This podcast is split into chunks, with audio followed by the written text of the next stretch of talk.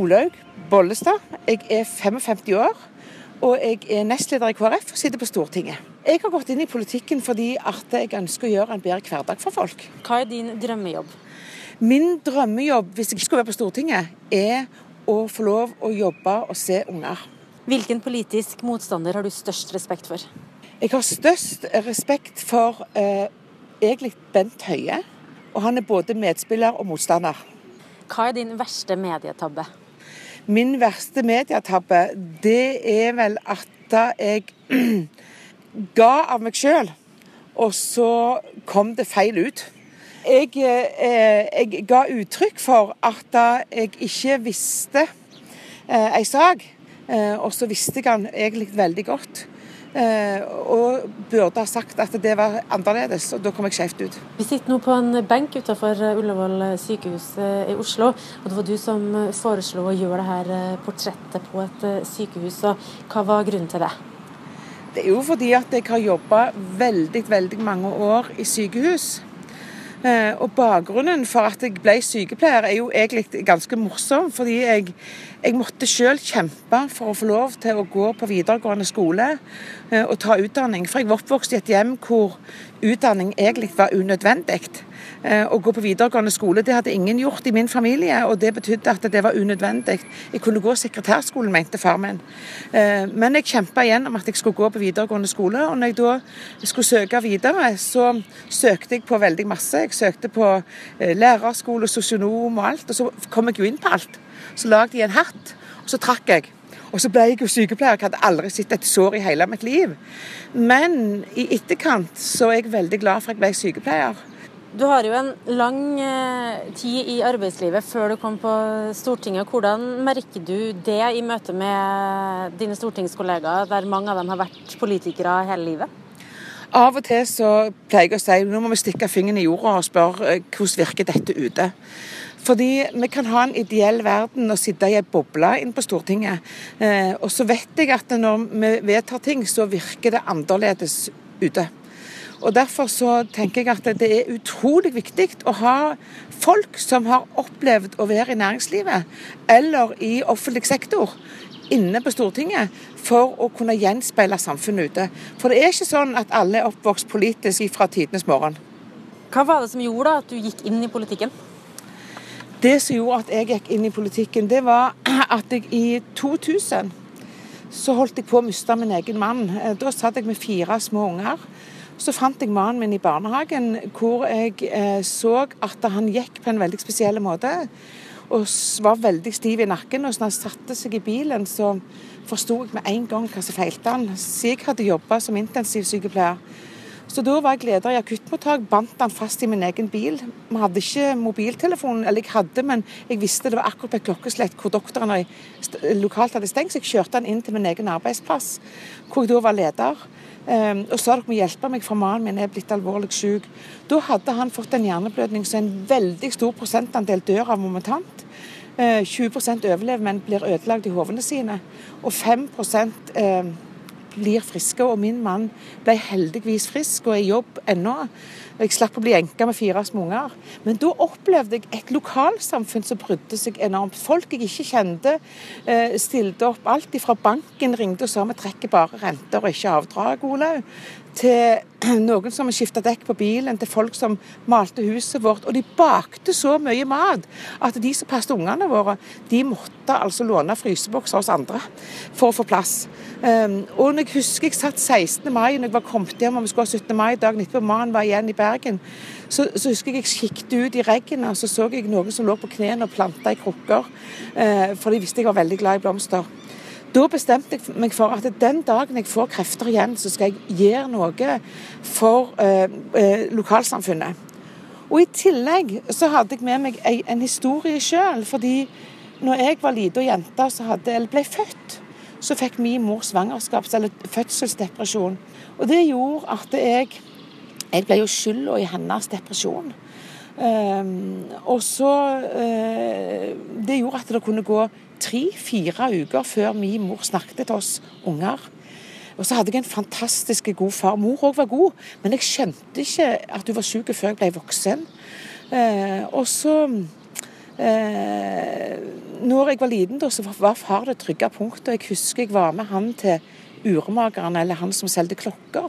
Og så skulle han få klokkereim, nye klokkereim. Og han kunne aldri få en sånn lerreim, for da så de på han og så sa de vi har ikke stor nok reim til deg, Værvik. Da husker jeg jeg sto pinnholdt i hånda til far og tenkte jeg har Jørpelands sterkeste far. Eh, og så da jeg var ni år, så ble far min eh, alvorlig syk. Han fikk hjertestans. Eh, og jeg husker jeg kikket ut av vinduet fra soverommet og så blålys og alt dette. Han var på vei hjem fra jobb, det var kveld. Så tenker jeg nå mister jeg alt. Sant? Jeg mister fars sikkerhet, og jeg har en mor som er syk. Um, det, det, kom opp igjen når jeg fikk mannen min syk i 2000. For da tenkte jeg at skal jeg nå bli alene med fire unger, eh, hvor viktig er det ikke for unger å kjenne at de har noen trygge foreldre? Eh, eller noen andre voksne som, som hjelper oss. Eh, sånn at eh, Folk har jo ofte spurt meg etter hva var det som gjorde at du klarte deg som liten da, når far din ble syk og, og mor di var psykisk syk.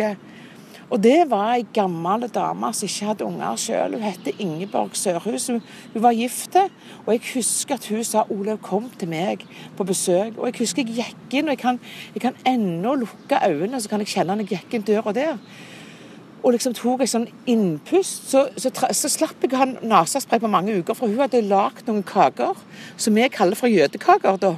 Eh, og, og da hadde du så mye hornsalt i de at jeg, når jeg liksom kom inn, så hadde åpna hele neseboret seg. Og så hadde du sitronbrus, og så hadde du eh, et godt, gammelt spisebord og tid for ei lita jente. Og jeg er helt overbevist at i forhold til mine to søsken, så var det det som redda meg. At jeg faktisk fikk ei annen voksen dame som så og brydde seg. Og Det òg tenkte jeg på når mine unger da, eh, og min mann var syk. Hvem er rundt mine unger når jeg er i Bergen, og mannen min er i Bergen? Hvem er rundt disse fire ungene mine? Er det folk nå som er i stand til å møte ungene, svare på spørsmål, blir pappa friske og alt dette? Så, så etter det så fikk jeg altså spørsmål i 2003 fra mange partier. Jeg fikk spørsmål fra eh, Arbeiderpartiet, Senterpartiet, Høyre og KrF. Og så valgte jeg KrF eh, etter å ha lest alle partiprogrammer. Og Det handler om synet på mennesker og at unger har en egenverdi. Så det var bakgrunnen for at jeg gikk inn i politikken. Og så allerede i 2007 så ble du eh, ordfører. Nå er du på Stortinget, du er nestleder i KrF. Det er jo en lynkarriere i politikken? Ja, det er jo eh, en kjempekarriere, egentlig. Jeg har ikke tenkt så mye på karrieren. Jeg har vært opptatt av å møte folk der de er. Og jeg har vært opptatt av at ingen sak er for liten for meg. Hvordan tror du det kunne gått med deg om du ikke hadde andre voksne som, som stilte opp og bakte kake og hadde et godt og stort kjøkkenbord og sitronbrus? Da tenker jeg at jeg, jeg, vi sitter i glasshus alle. Jeg kunne godt vært ei jente som hadde kommet ut i protestenes verden. Altså, Jeg hadde jo en periode hvor jeg både Nå har jeg vanlige krøller, men jeg hadde krus permanent og boots. Og eh, jeg lot meg herje med. Og hvis ikke det var noen voksne som hadde holdt i meg da, så kunne jeg godt ha vært i en helt annen situasjon og skeia ut. For det tenker jeg mange ganger at det, det er grunner for at det noen ganger går godt, og noen ganger ikke går godt. Så jeg tror at eh, det at det er noen som bryr seg, har større betydning enn vi tror. Og det å være ei nabokone, som jeg vet Gro Harlem Brundtland sa, det må vi hegne om. Fordi at det kan faktisk bety mesten i anførselstegn liv eller død for noen unger på hvordan livet deres blir. Du hadde jo ei ungdomstid i bedehuset. Hvordan eh, har det prega deg? ja, det, det, kunne jeg hatt på film, altså. Fordi jeg var egentlig 14 år gammel første gangen jeg kom på et bedehus. Jeg. Jeg ante ikke jeg kom til, så jeg gikk på et årsmøte for sikkerhets skyld. Da hadde jeg på meg flanellskjorte, og så hadde jeg ei skjorte til far min som jeg hadde farga i maskinen. Ei gammel bomullsskjorte, og så hadde jeg boots og cruisepermanent og satte meg bakerst og så bare en haug med gamle folk og kranser. Og de diskuterte noen tåpelige spørsmål som om ungdommene kunne stemme og alt mulig. Og jeg ba om ordet fra bakerste benk. Og så så gikk jeg fram og sa hva jeg mente om dette. Og da var det én, når jeg kom ned igjen, som heter Georg. Og han òg er en viktig person i mitt liv. Han var uh, idrettsmann, musikkskolemann. Og så la han armen rundt meg og så sa han, 'Gysla godt sagt, Olaug'.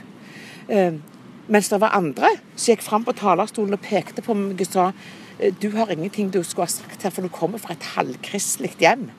Mor mi var i Frelsesarmeen, mens far min hadde ingen forhold til verken bedehus eller kirke. Eh, men fordi Georg la armen rundt meg og sa gysla godt sagt, og holdt den armen rundt meg, så ble jeg værende. Og fikk utfordringer og lederoppgaver, og jeg hadde ikke peiling på hva jeg sa ja til. Og jeg opplevde òg at bedehuset hadde et språk som jeg ikke skjønte. De snakket om ting jeg hadde ikke snøring for to øre. Og så tenkte jeg de må snakke et språk som folk forstår hvis de vil at folk skal være her. Det samme tenkte jeg når jeg ble sykepleier. Når jeg ble sykepleier, så kom jeg, og så så jeg pasientene lå i senga når legevisitten var gått. Og så lå de med klinkekule øyne. Og så så de på, på legen, og så så de på meg og forsto ikke en dritt av det legen hadde sagt. Da tok jeg med meg en tegneblokk, rød og blå blyant og en kålblyant. Så når legen var gått ut, så satte jeg meg på, på senga og så tegnte jeg.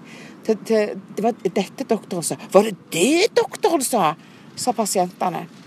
Og da jeg kom inn i politikken i 2003, så oppdaget jeg at i politikken òg har vi jo et eget stammespråk.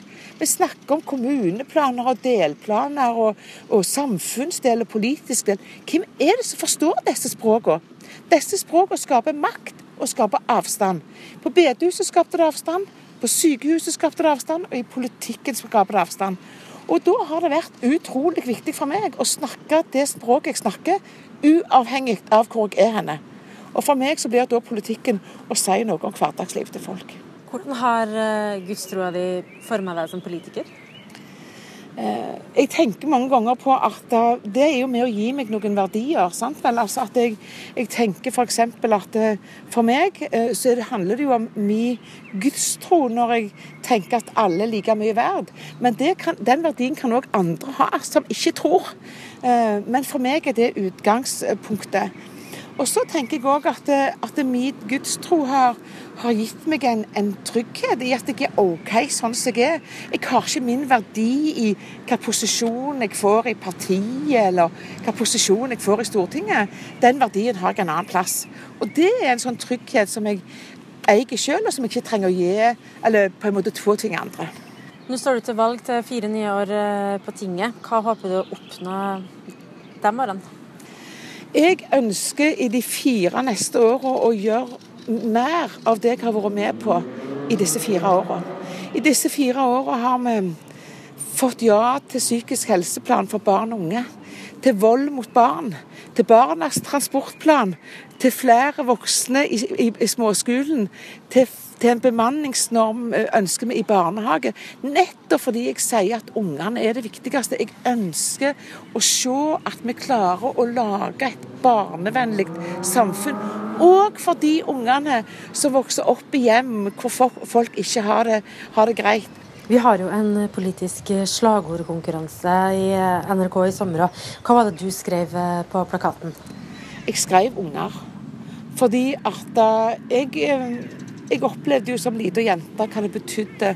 Nå hadde jeg jo en far, men han ble syk. Jeg hadde en psykisk syk mor. Men så hadde jeg noen andre voksne som så meg, og jeg er sikker på at det var med å redde meg. Jeg skulle ønske at skolen så litt mer. Jeg ble sendt i barnehage. Jeg tenker jeg er 55 år og gikk ett år i barnehage. Det er jo fantastisk. Um, uh, men jeg skulle ønske òg der at det hadde vært noe mer enn bare å sitte fint og perle. Men at de hadde forstått hvem denne lille jenta var. Men heldigvis så fikk jeg noen få voksne som hjalp. Og det er grunnen til at eh, jeg har unger. Uh, unger er det viktigste vi har. Det er en samfunnsinvestering å investere i ungene våre. Får vi flotte, friske unger, så har vi en framtid for vår nasjon. Da har vi god eldreomsorg. Da har vi godt næringsliv fordi vi satser på ungene våre.